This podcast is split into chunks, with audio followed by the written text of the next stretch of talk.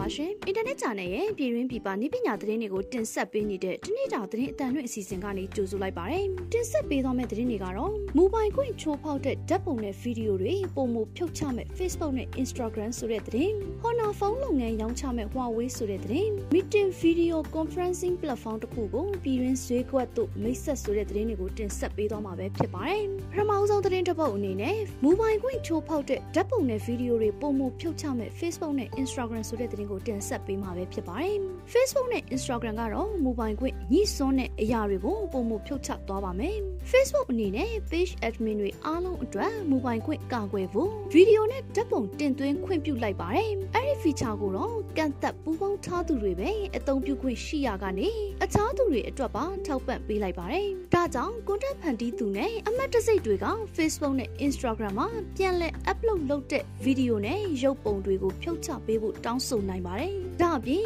content ဖန်တီးသူတွေကကြော်ညာနဲ့ငွေရှာတဲ့ upload ပြုလုပ်တဲ့ content နဲ့ပတ်သက်ပြီးငွေကြေးမရှာဖွေတဲ့ option ကိုလည်းရွေးချယ်နိုင်ပါပြီ။ဆက်လက်ပြီး Honor ဖုန်းလုပ်ငန်းရောင်းချမဲ့ Huawei ဆိုတဲ့သတင်းကိုတင်ဆက်ပေးမှာပဲဖြစ်ပါတယ်။ Huawei ဟာလူငယ်တွေအတွက်အလဲအလက်တန်းစားဖုန်းထုတ်လုပ်တဲ့ Honor ဖုန်းလုပ်ငန်းကိုရောင်းချဖို့စီစဉ်နေတယ်လို့ထုတ်ပြန်ခဲ့ပါတယ်။ Huawei ကကြီးမားတဲ့ဖိအားနဲ့ mobile လုပ်ငန်းအတွက်လိုအပ်တဲ့နည်းပညာဆိုင်ရာပစ္စည်းတွေရနိုင်ဖို့ခဲရင်တာကြောင့် Honor လုပ်ငန်းဆက်လက်ရပ်တည်နိုင်ဖို့လုပ်ငန်းကိုရောင်းချဖို့ဆုံးဖြတ်လိုက်ရတာပါ။ Honor ထုတ်ကုန်တွေဟာ Huawei ကိုယ်ပိုင်နည်းပညာအပေါ်မှာအမိပြုထားပါတယ်။ဒါကြောင့် American ကုမ္ပဏီတွေနဲ့ Huawei ကုန်သွယ်ခွင့်မရအောင် American အစိုးရတားဆီးထားတာကြောင့်အထိနာခဲ့ပါတယ်။ V30 ဖုန်းတွေဟာ Huawei ရဲ့ P40 flagship မှာပါဝင်တဲ့ Kirin 990 processor ကိုပဲအသုံးပြုထားပါတယ်။ Honor ဟာပိုင်ရှင်သစ်အောက်ထုတ်ကုန်ဖန်တီးရမှာပုံမလွတ်လပ်လာနိုင်ပြီးတော့ကွက်ကိုနဲ့ Google တို့နဲ့လည်းသဘောတူညီမှုပြန်လည်ရယူနိုင်ပါမယ်။ နောက်ဆုံးသတင်းတစ်ပုဒ်အနေနဲ့ Meeting Video Conferencing Platform တစ်ခုကိုပြည်တွင်းဈေးကွက်သို့မိတ်ဆက်ဆိုတဲ့သတင်းကိုတင်ဆက်ပေးမှာပဲဖြစ်ပါတယ်။ Votex မြန်မာကုမ္ပဏီမှာ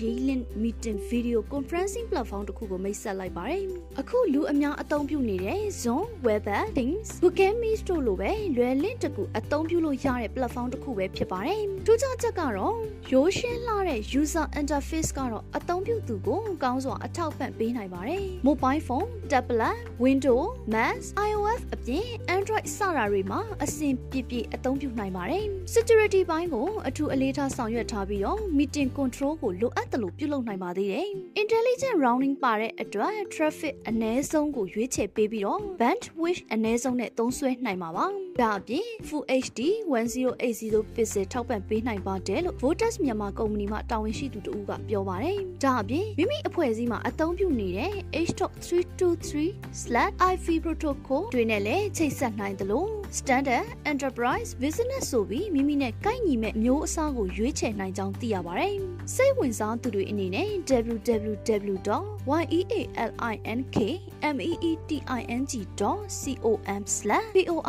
www.yealinkmeeting.com/portas/ မှာဝင်ရောက်လေ့လာနိုင်ပြီးတော့အသေးစိတ်အချက်လက်တွေကိုဖုန်း39 459ခွန်51 3964တို့ဆက်သွယ်စုံစမ်းနိုင်ပါတယ်။အခုတင်ဆက်ပေးသွားတဲ့သတင်းတွေကနိုင်ငံတကာနဲ့ပြည်တွင်းမှာရရှိထားတဲ့ဤပညာသတင်းတွေကိုအင်တာနက်ဂျာနယ်ကနေတင်ဆက်လိုက်တာပဲဖြစ်ပါတယ်။အခုလို COVID-19 ဖြစ်ပေါ်နေတဲ့ကာလမှာပြည်သက်တွေအနေနဲ့လည်းကျန်းမာရေးနဲ့အာကစားဝန်ကြီးဌာနရဲ့လက်ညှိုးမှုတွေနဲ့အညီလိုက်နာဆောင်ရွက်ခါနေထိုင်သွားလာဖို့တိုက်တွန်းလိုက်ပါတယ်။ကျွန်မကတော့ဝေမြင့်မှုပါ။